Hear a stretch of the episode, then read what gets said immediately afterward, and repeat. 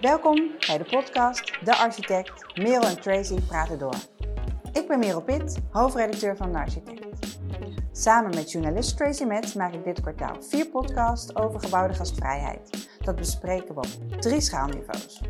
Architectuur, stedenbouw en interieur. Vandaag praten we over het interieur met Christine van der Valk en Liongo Juliana. Nou, de derde aflevering, Tracy. Ja, het gaat hard, hè? Ja, het begint een beetje door te krijgen. Ben je, al zenu- ben je nog steeds zenuwachtig? Iets minder. Maar eh, ja, het, ik eh, doe altijd mijn best om het zo goed mogelijk te doen, hè? ja, wij allemaal. Met de gastvrijheid op dit moment zit het in ieder geval al goed. Want we zijn wederom te gast bij Cosentino City Amsterdam. Hier in het Experience Center zijn onder andere toepassingen van Salstone en Dekton voor keukens, badkamers en meubels te zien. Voor iedereen die wil, kan zo een rondleiding krijgen. Maar wij zitten nu in een mooie vergaderzaal met voor onze neus een grote schaal met allemaal lekkers. Super tof dat we onze gasten hier mogen ontvangen. Gebouwde gastvrijheid gaat over de vraag hoe maken we ruimten waar iedereen zich thuis voelt. En in, de, in het interieur is hospitality geen onbekend begrip. Zeker niet als we het gaan hebben over zorg en hotels.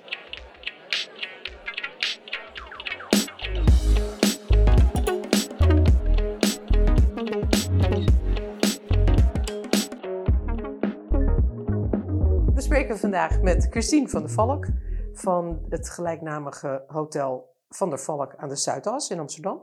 En verantwoordelijk voor de interieurinrichting van het hotel. En we spreken met Liongo Juliana, architect en partner voor de Caribische regio bij OZ Architecten. Welkom allebei.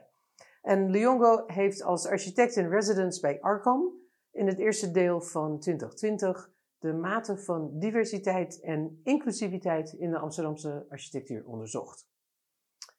Christine, we gaan eerst naar jou. Ik, eh, je hebt me rondgeleid in het hotel. Ik vond het heel leuk om te zien. Maar ik kwam aan op de fiets en dan twee dingen vielen me op. Waar is de toekan? En het tweede wat me opviel was dat ik de entree helemaal niet kon vinden. Ja, de eerste vraag is een hele terechte vraag, want inderdaad op al onze gebouwen staat altijd de toekan. Eh, die hadden we zelf ook wel graag erop gewild, maar de regels van de Zuidas waren aangepast, dat er geen, eh, geen logo meer op het, op het raam mocht, of op het dak mocht. Eh, dus toen uiteindelijk kwam de architect met het idee, kunnen we dan wel eh, de letters rondom als een soort bekroning op het gebouw eh, zetten. En dat is het geworden. Dus met name als het, als het schemert of als het donker is, dan zie je van drie kanten heel erg groot eh, Van der Valk staan op drie plekken. Dus dat, ja, dat, dat vinden we ook wel super mooi dat het nu op deze manier zichtbaar is. Een nieuwe manier. Ja. Ja. En waar is de ingang? Eh, ja, de ingang, het is eigenlijk een stuk wat nog, eh, wat nog in ontwikkeling is, dat gebied. Dus er komt naast ons nog een gebouw, de EMA is nog maar een jaar open. Dus er De wordt een- European eh, Medicine Agency. Klopt, ja, dat is nu nog onze buurman, maar er komt nog iemand tussen ons in. Eh, de gemeente is een aansluiting aan het maken vanaf station Rij naar, eh, naar het hotel. Dat wordt, eh, of niet naar het hotel, maar naar de Zuidas, maar dat loopt langs ons hotel. Dus eh, ik denk dat als, de, als het gebied uitontwikkeld is, dat de ingang dan ook veel duidelijker eh, wordt. Omdat de aanrijroute nu gewoon niet zo heel erg uitnodigend is. Ja, en de aanrijroute heeft ook alles te maken met de eh, inrichting van de verdiepingen van het hotel. Het is een flinke kavel. Mhm. Eh, daar komen we zo over te spreken. Maar eigenlijk is de ingang gemaakt voor auto's. En dan ga je naar vier niveaus parkeren. En pas op de vijfde is de eigenlijke lobby. Ja, dat klopt. Waarom, waarom zit dat zo in elkaar? Ehm, nou, als Van der Valk zijn hebben we eigenlijk altijd hotels met veel parkeerruimte. Dat hoort bij onze USP's. En ehm, we wilden natuurlijk het liefste eigenlijk dan de grond in of eromheen, maar dat, dat ging niet op deze plek. Dus toen eh, hebben we besloten om het dan in het gebouw te doen, zodat eigenlijk het hele gebouw gelift kan worden daardoor. Dus je begint inderdaad met eh, de begane grond, waar een plint is met een brasserie en een eh, winkeltje. Dan heb je vier lagen parkeergarage en dan krijg je echt het, het, het hoofdgebouw en de kamers van het hotel. En in die, we hebben dan geprobeerd om er een, eh, een soort parkeerlounge van te maken, dat het wel uitnodigender is dan een normale parkeergarage. Dus je vindt ook eh, verschillende eh, ruimtes voor jonge creatieven, eh, waar zij hun expositie kunnen doen of hun, hun kunst kunnen maken in de parkeergarage. En dat zijn glazen boxen die in de punten zitten, met name. Ja. Ja, die punten, dat, eh, dat viel me op toen je me de, eh, een aantal kamers liet zien. Die punten zijn vaak van die rare, overgeschoten niksruimtes die alleen maar meters kosten, maar niks opleverde. Maar ik moet zeggen, dat hebben jullie heel leuk opgelost. Kun je er iets over vertellen? Ja, dat vonden we ook uh, zelf spannend aan het begin. Toen de architect zei van we gaan het hele kavel bebouwen.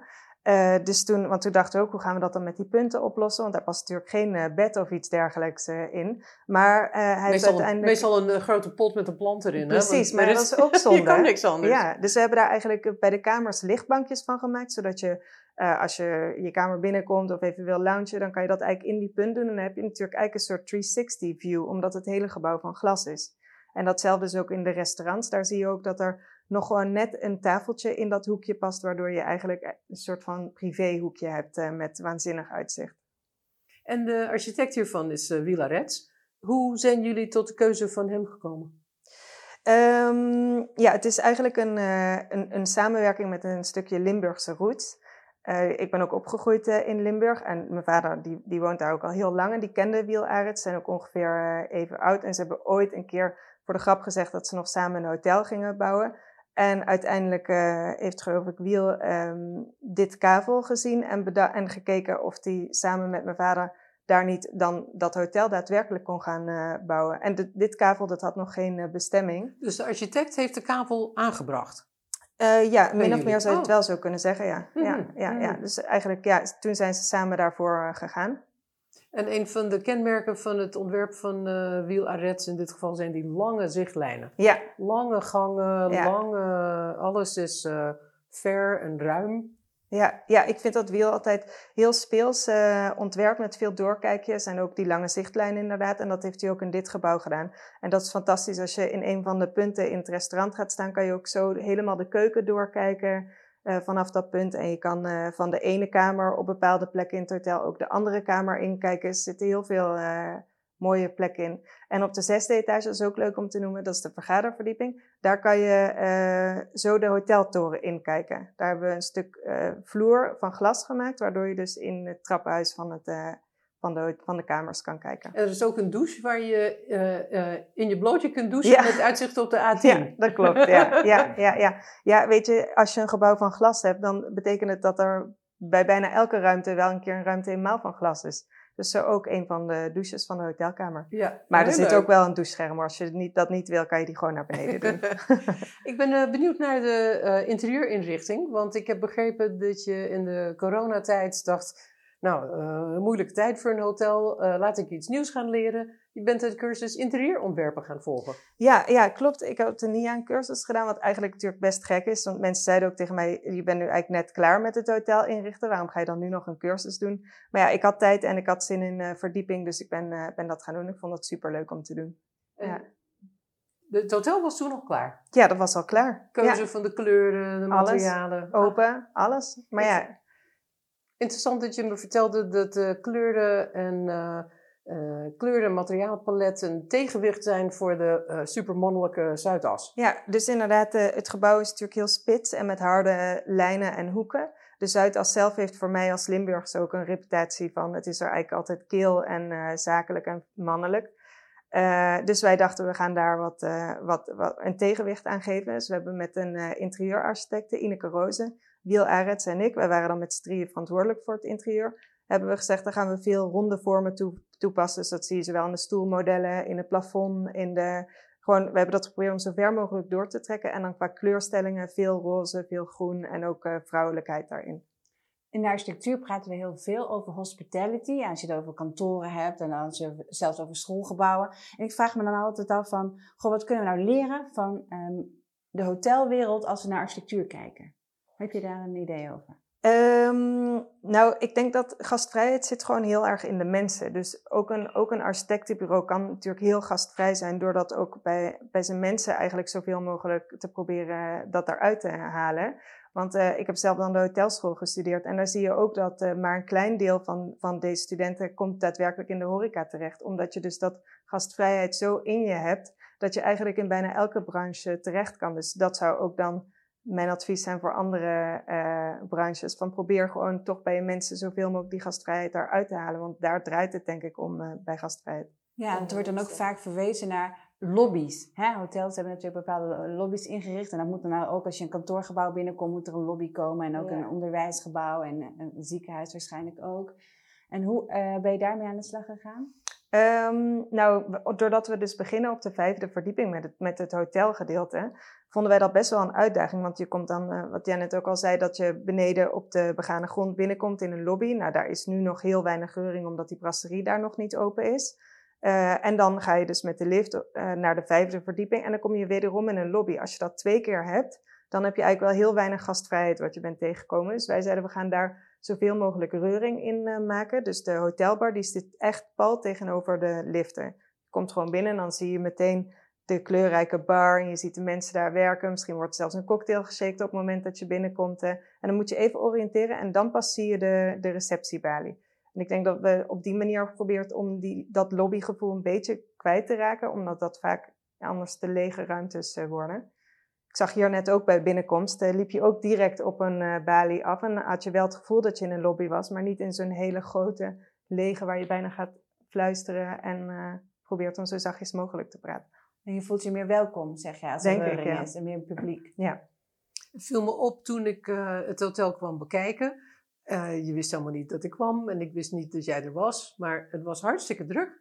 En eh, er liep iemand vanuit het kantoor naar de incheckbalies toe, voor wie ik dacht, dat moet Christine zijn. Die zei gewoon tegen een gast, eh, kan ik u helpen? Je sprong gewoon meteen eh, erin, eh, ook al ben je de manager en de baas, je bent gewoon een van hun, er moet iets gebeuren, nou dan doen we dat. ja, ja dat is echt onze familiefilosofie. Als ik het niet doe, denk ik dat mijn opa boos wordt. eh, dus Oh, dat kunnen we niet hebben. nee, hoor. nee, maar zo zijn we echt allemaal opgevoed. Van, weet je, we, ja, we zijn gewoon altijd op de vloer. We zijn tussen het team. We zijn helemaal geen hiërarchische organisatie. En we proberen gewoon om, om met elkaar er iets moois van te maken. En ik denk dat beter gaat tussen de mensen dan eh, vanaf je eigen kantoor. Tot slot, eh, het gebouw is eh, genomineerd voor het BNA Beste Gebouw van het Jaar. En was genomineerd voor de Amsterdam Architectuurprijs. En het staat, als het goed is, op de longlist van de ARC Awards van de architect. Ehm, dit is ook een, eh, eh, misschien valt het zo goed in de prijzen vanwege de architect, maar ook vanwege het nieuwe concept. Dit is een, een, een nieuw iets voor Van der Valk. Het label eh, Van der Valk exclusief. Ja, nee, dat klopt. Valk Exclusief op zich is niet nieuw, maar wel dat we zijn gaan samenwerken met deze architect. En ik denk ook dat, dat het daardoor echt wel een heel bijzonder gebouw is geworden. Je ziet gewoon dat het ja, toch echt anders is. Het past supergoed bij de locatie. Zuidas is natuurlijk ook anders dan elk ander plekje van eh, Nederland.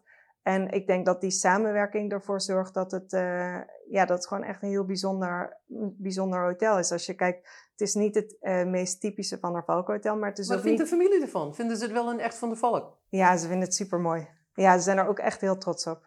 Ja, absoluut. En Ja. Wielreds vinden het natuurlijk heel erg leuk om aan de overkant van de A10 van het NH van Rem Koolhaas te ja, staan. Ja, ja, ja, ook. Ja, ja, De titanen tegenover elkaar. ja, ja. Nee, maar hij is ook echt heel trots op het eh, gebouw. Nou, van harte Christine en gefeliciteerd met het eindresultaat. En spannend welke prijzen jullie gaan toevallen. Ja, we zullen ja. volgen. Ja, is zo. Maar we zijn al trots om gewoon nomineerd te zijn. Dat vinden we wel super mooi. Ja, en jullie hebben allemaal papiertjes in de lift hangen dat iedereen die langskomt op jullie moet stemmen. Klopt. We doen ons best.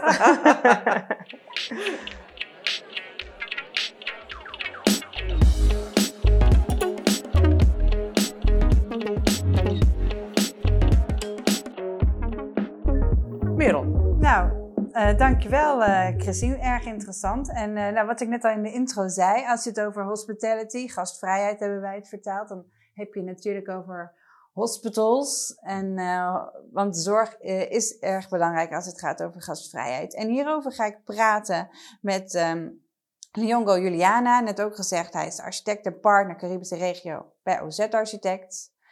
Maar je hebt ook, en daarmee wil ik eigenlijk beginnen, ehm, je bent architect en residence geweest bij Arkham over diversiteit en inclusiviteit. En ehm, als architect heb je daarvoor ook voor ons een opinie geschreven voor de architect. En ehm, in die opinie roep je eigenlijk op dat ontwerpers hun verantwoordelijkheid moeten nemen eh, om een hoogwaardige architectuur te maken en daarmee een bijdrage te leveren aan het oplossen van maatschappelijke vraagstukken. Dat is natuurlijk nogal wat. Hoe zie je zelf die verantwoordelijkheid en hoe, eh, ja, hoe pak je hem zelf op? Ehm, Nou, ik, ik, denk, ik zie die verantwoordelijkheid gewoon ja, als, als, een logisch onderdeel van mijn vak. Ik heb dat nooit anders gezien, eigenlijk vanaf mijn opleiding. Ehm, en uh, kijk, je hebt als, als architect de mogelijkheid om ruimte te maken. En in die zin heb je een verantwoordelijkheid om te zorgen dat die ruimte goed is voor de mensen. En, en als we even een sprongetje naar de gastvrijheid. Kijk, als je, je moet weten wie je gast is om gastvrij te kunnen zijn. Want anders doe je misschien het verkeerde. Je moet ze kennen. Ja, ja, want dan, dan doe je misschien iets wat jouw gast interpreteert als zijnde van, oh, ik ben hier niet welkom. Maar ja, Leongo, je kent de patiënten niet in het ziekenhuis, toch? Nee, maar je kent wel de cultuur. Je moet, je moet dus wel onderzoeken wat hoe de cultuur van de mensen is. Ik heb het vaak gezegd, hè, de, de, een blinde darmoperatie, of je die in China, Nederland of op Curaçao doet, is dezelfde. Is hetzelfde. Technisch. technisch. En het zit ook op dezelfde plek bij de mensen. Ehm, maar wat daarvoor en wat daarna gebeurt, dat is cultuurgebonden. Ah. En, en daar gaat het over. Daar moet, daar, dat moet je proberen te begrijpen van wat gebeurt er. Bijvoorbeeld op Curaçao staan er gewoon tien mensen om een bed. Het is heel gewoon dat je met tien mensen een patiënt bezoekt. Dat is in Nederland wat dan. Je vertelde in een uh, lezing op YouTube die ik heb gezien dat dat ook heel goed is voor het genezingsproces. Nou, als, als, als, de patiënt zich daar goed bij voelt. Het gaat om het welbevinden van de patiënt. En niet om een, een theoretische uh, uh, benadering in de zin van, maar als de patiënt zich goed voelt, dan kan die makkelijker genezen. En, en daar gaat het over. En ja, dus het is ook een ziekenhuis, is voor jou dus zeg maar niet alleen een plek waar je dus operaties uitvoert, maar juist dat herstel en dat je goed voelen, dat, dat draagt er natuurlijk aan bij. En daar wil je een goede plek voor maken. Het is een plek voor genezing. Het is, je, bent, je, je, je, bent ziek en je wil daar gezond of beter, in ieder geval, hè, dus misschien niet helemaal gezond, maar in ieder geval beter uitkomen. En als, als dat gebouw bepaalde frustraties op je, op, je, op je teweeg brengt, dan zal dat niet helpen in je genezingsproces. Ik bedoel, er wordt niet voor niets gezegd als je, als je, als je ziek bent van ja, neem je rust. Uh, uh, en, nee, en als je gestrest bent dan. Nou, en, en een gebouw kan daar. Kijk, als bijvoorbeeld de routing in een gebouw niet goed is, als je continu de weg kwijt bent uh, in, een gebouw, wat in een ziekenhuis nogal is gebeurd, um, dan, dan geeft dat stress en dat helpt niet tot je genezingsproces. En zo hebben we ook uh, de, de, healing gardens, tuinen tussen, tussen de vleugels. Ja, want even uh, voor de duidelijkheid voor de luisteraars. We hebben het hier over het Curaçao Medical Center. Dat je samen ja, met uh, EGM-architect hebt ontworpen. Ja. Want even in de voorbereiding vroeg ik jou een paar projecten te noemen die volgens jou gastvrij waren. En je noemde ook heel veel projecten die je niet zelf had ontworpen. Dat vond ik heel erg sympathiek. Maar ik dacht, we gaan het nu toch wel hebben over een project waar je het wel zelf aan hebt gewerkt. Maar, dus het gaat over het ziekenhuis. Vertel verder. Uh, ja, dus je, je hebt die Healing Gardens. Uh, en, en dan is het, hè, dat bedenk je, en dat lees je in de literatuur, dat groen goed is voor het welbevinden van de mens. En dan is het heel mooi als de ziekenhuisdirecteur je vertelt dat de, uh, de fysiotherapeut van het ziekenhuis bijna dagelijks met patiënten in die, in die tuin loopt. Nou, dan, dan, dan ben ik tevreden als architect, want dan denk ik, oké, okay, uh, dat concept wat je bedacht hebt, het werkt echt en het, het nodigt mensen uit om, om het gebouw te gebruiken. Ze hebben ook een hele mooie, ja, dat was een soort dankbetuiging aan al het personeel na de hele grote COVID-uitbraak die ze daar hadden, wat echt extreem was. Opschalen van 16 uh, IC-bedden naar 67. Um, uh, en ga er maar aanstaan op een eiland.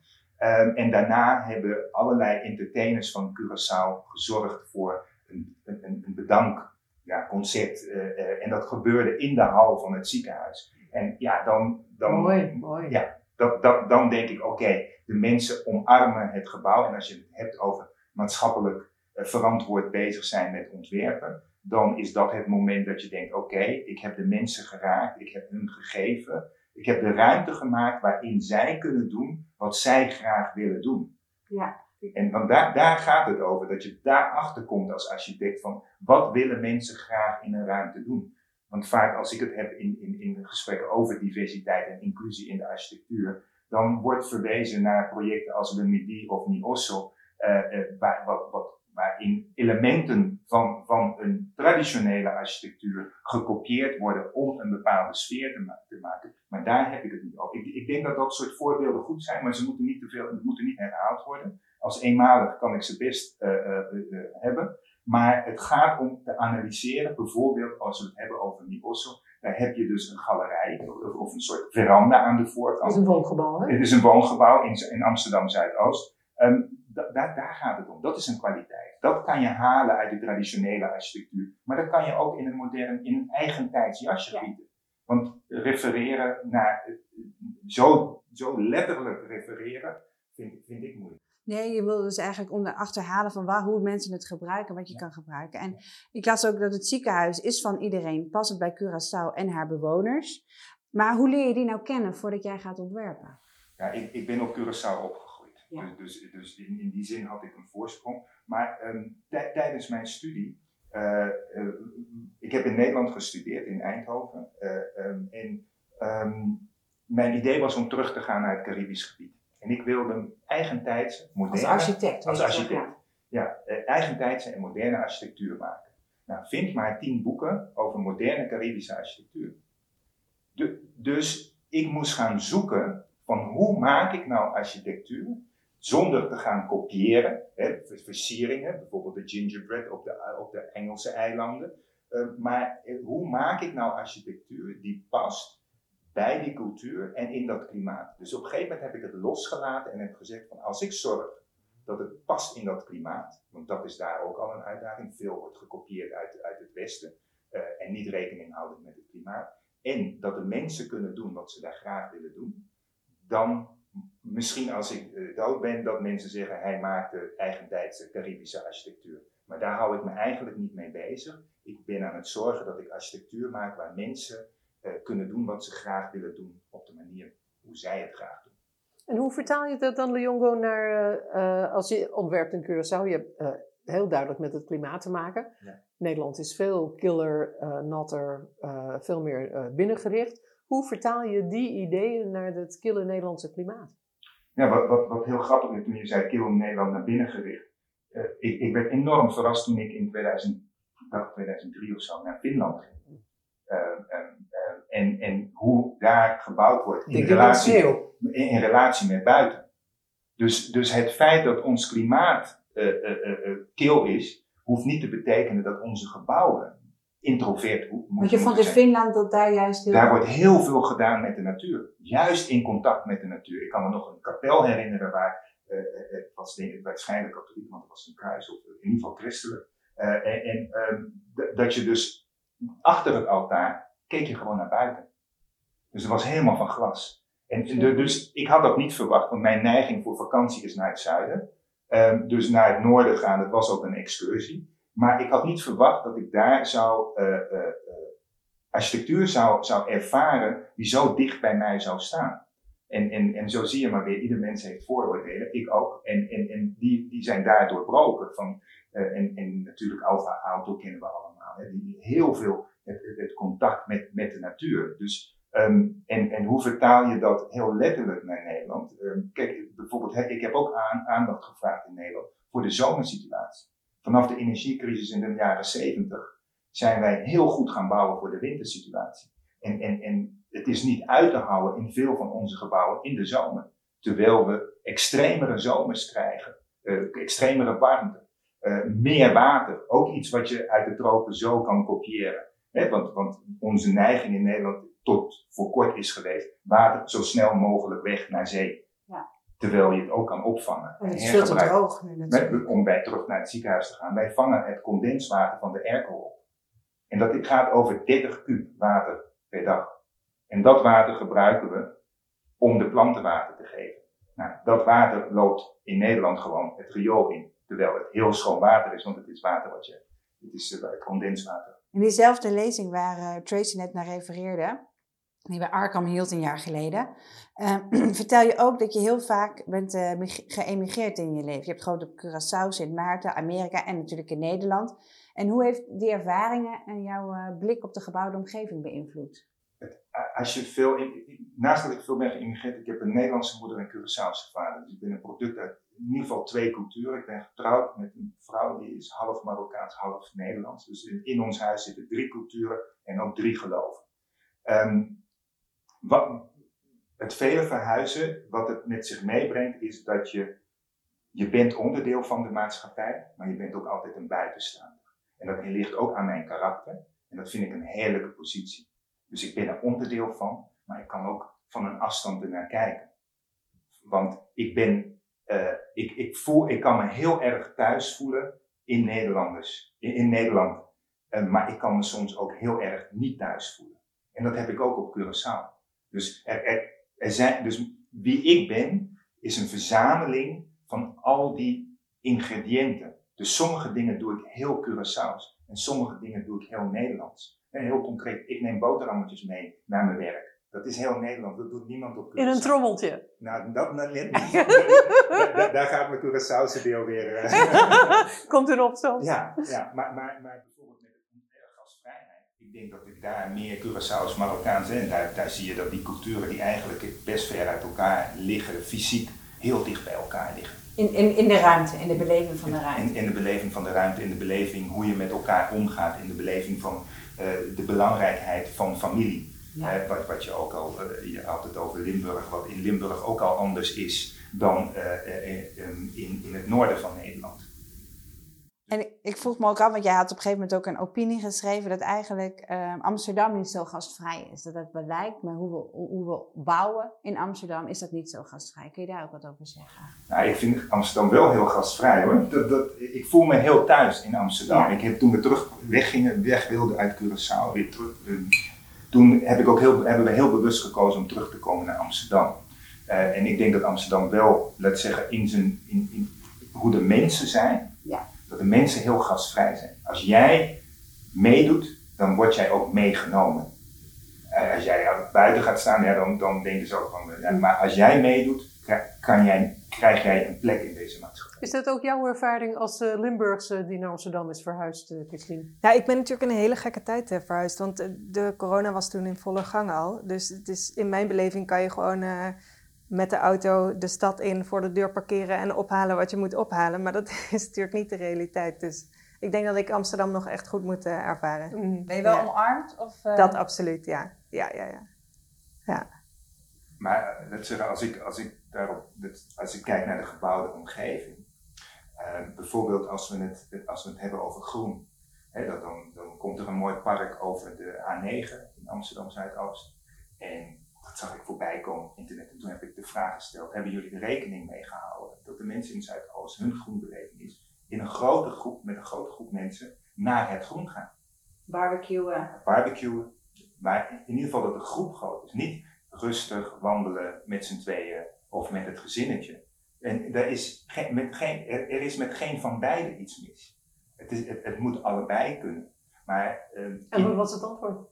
Um, daar heb ik daarna niet veel meer van gehoord. Maar ik hoop dat ze er wel wat, wat, wat mee hebben gedaan. Jij bedoelde dan voor uh, de, het gewicht wat op die brug kwam? Of nee, nee, uh, gewoon nee, hoe het wordt ingericht? Dat je, dat, dat je, daar rekening mee houdt. Wat ik zie gebeuren in Amsterdam, als je het hebt over gas, niet gasvrij. Ja. Overal die bordjes ver, verboden te, te barbecuen. Kijk, als, als het de rook is van de barbecue die het probleem is, dan moeten wij als technici daar een oplossing voor kunnen vinden. Maar als, als de mensen van je stad in, de, in het groen, in de, in de parken, heel graag willen barbecuen, dan moet je daarin voorzien. Want anders heeft dat groen geen waarde. Als jij niet in het groen kan doen wat jij graag daar wil doen, dan heeft het geen waarde. Dus ga je het niet beschermen. En, en, en dat Zorg je er niet voor? Nee. Nee, en, en, dat, en dat is wat ik mis in de, in de, in de laat zeggen, architectuurdiscussie, in de, in de stedenbouwdiscussie. Um, dat, dat is vanuit een, een bepaalde bubbel. En het is een hele witte mannenbubbel. Uh, en, en het perspectief van, kijk, Amsterdam bestaat uit 56% van mensen met een migratieachtergrond.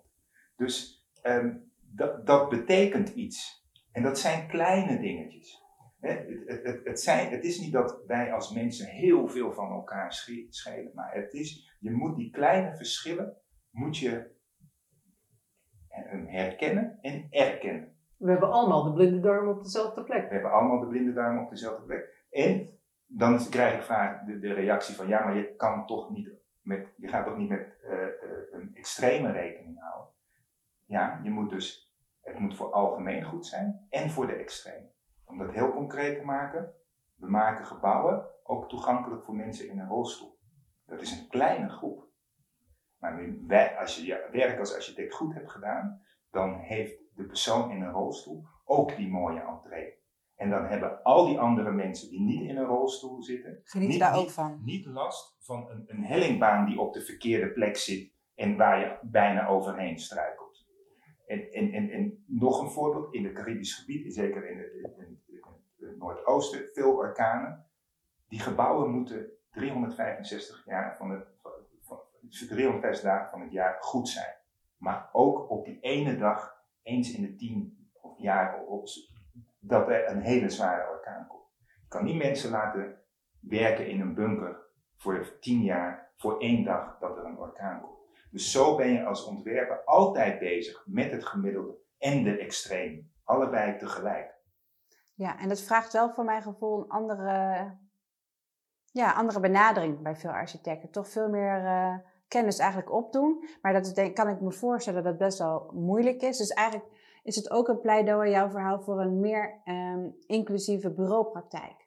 Ja, minder in hokjes denken. Ja. Het is dus niet alleen de architectuur. Kijk, mij wordt vaak gevraagd, ja, wat voel je? Ben je voel je nou Nederlander of Curaçaoenaar? Ja, nee, ik voel me allebei. En het een en het ander. Niet het een of het ander. En in ons denken, en niet alleen in de architectuur, is in Nederland heel erg het een of het ander. Ja, je moet wel kiezen.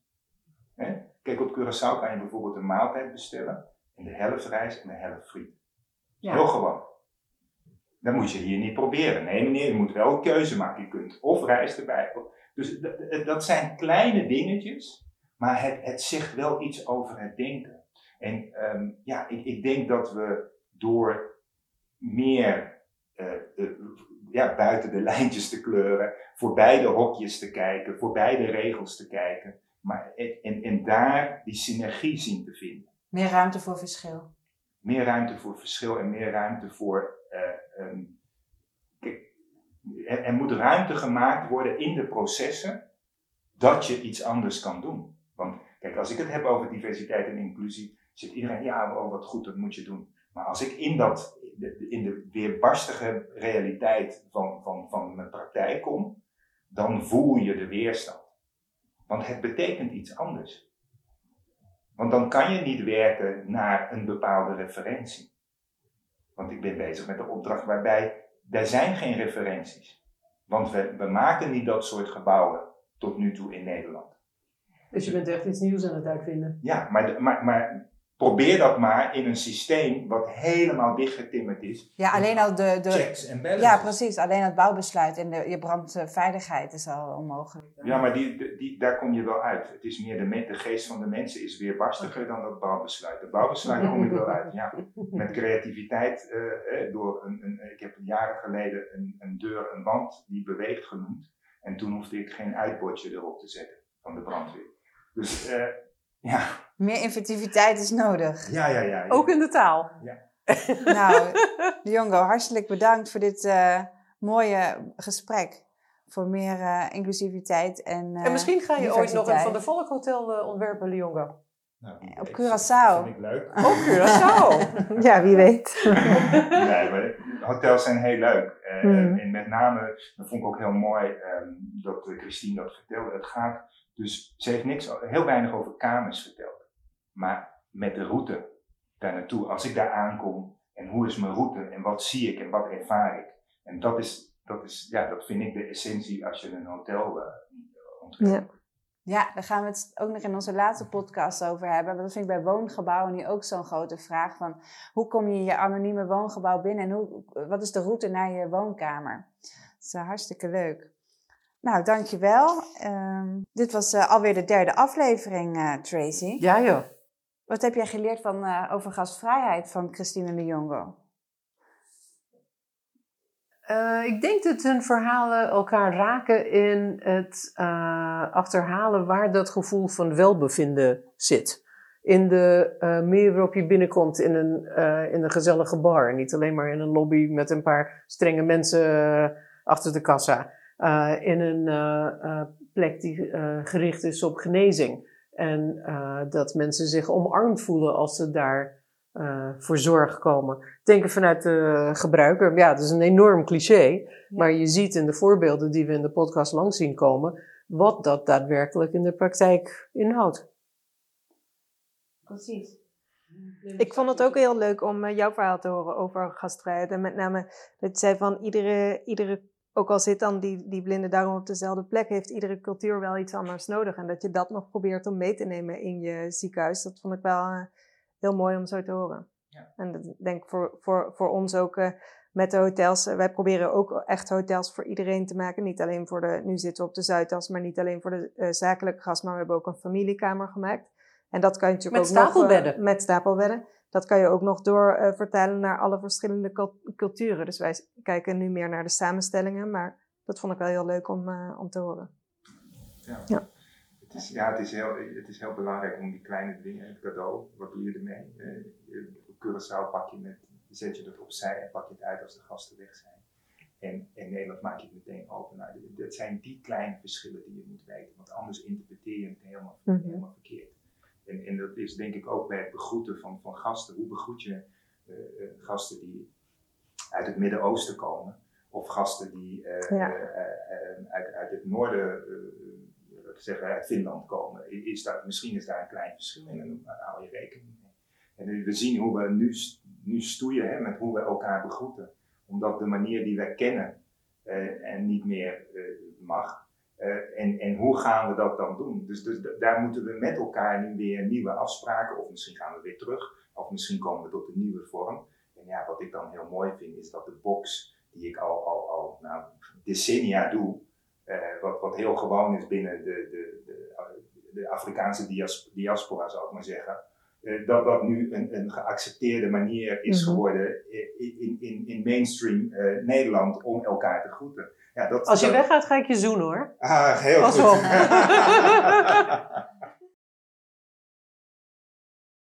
Vind ik Nou. wel mooi om te zien. Ja, als ik ook terugkijk naar het gesprek, dan vind ik jullie eigenlijk experts in mensen welkom heten. En eh, dat jullie daar op eigen manier, vanuit de hotelwereld en jij vanuit eh, je als architect, maar tegelijkertijd ook je analytische blik van alles wat je mee hebt genomen van alle culturen die je hebt ontmoet. eigenlijk. Dus heel erg eh, tof. Ja, leuk dat je dat, maar, want ik ben, ik vind mezelf, laat zeggen, thuis ben ik niet gastvrij. Mijn vrouw is veel gastvrijer dan ik. maar, maar inderdaad, in mijn vak kan ik het wel. Maar dat zeggen, in haar vak kan ik het. Dat Heb, ik niet. heb je het juiste vak gekozen? Ik heb, ik heb het juiste vak gekozen, denk ik. Ja. Heel goed. Ja. De volgende podcast is de vierde en de laatste aflevering over gebouwde gastvrijheid. En wat ik al zei, dan gaan we het dus hebben over de entrees van woongebouwen. En ik denk dat dat een hele bijzondere opgave is, omdat er eigenlijk zoveel... Er is eigenlijk nooit budget om die route van eh, de entree tot de woonkamer, waar wel op wordt verdiend, eh, vorm te geven. We moeten dus woongebouwen als hotels gaan ontwerpen. Dat zou... eh, Meteen gasvrijheid voorop, op de begane grond. hey, gaan we vragen. Dat eh, zeker. Aan wie? Aan de volgende sprekers. En dat is eh, Bert van Breugel. Die is van het bureau Inbo. En ontwerper van Little C in Rotterdam. De naam alleen al is geweldig. En we praten met Albert Herder van Studio Nine Dots over zijn gebouw Westbeat. eh, die de winnaar was van de Amsterdam Architectuurprijs dit jaar. Jury en vakprijs. Allebei. Allebei. Bravo. En trouwens Little C van de Rotterdam Architectuurprijzen. Ja. Jury en vakprijs. alleen maar prijswinnaars hier. Alleen maar prijswinnaars. Nou, dit was alweer onze derde podcast, opgenomen bij Cosentino City Amsterdam. En ook voor de laatste aflevering in deze reeks zijn we te gast bij Cosentino. Ik kijk er heel erg naar uit om hier nog een keer te komen in deze inspirerende omgeving. Hou verder onze nieuwsbrief en social media in de gaten voor alle updates.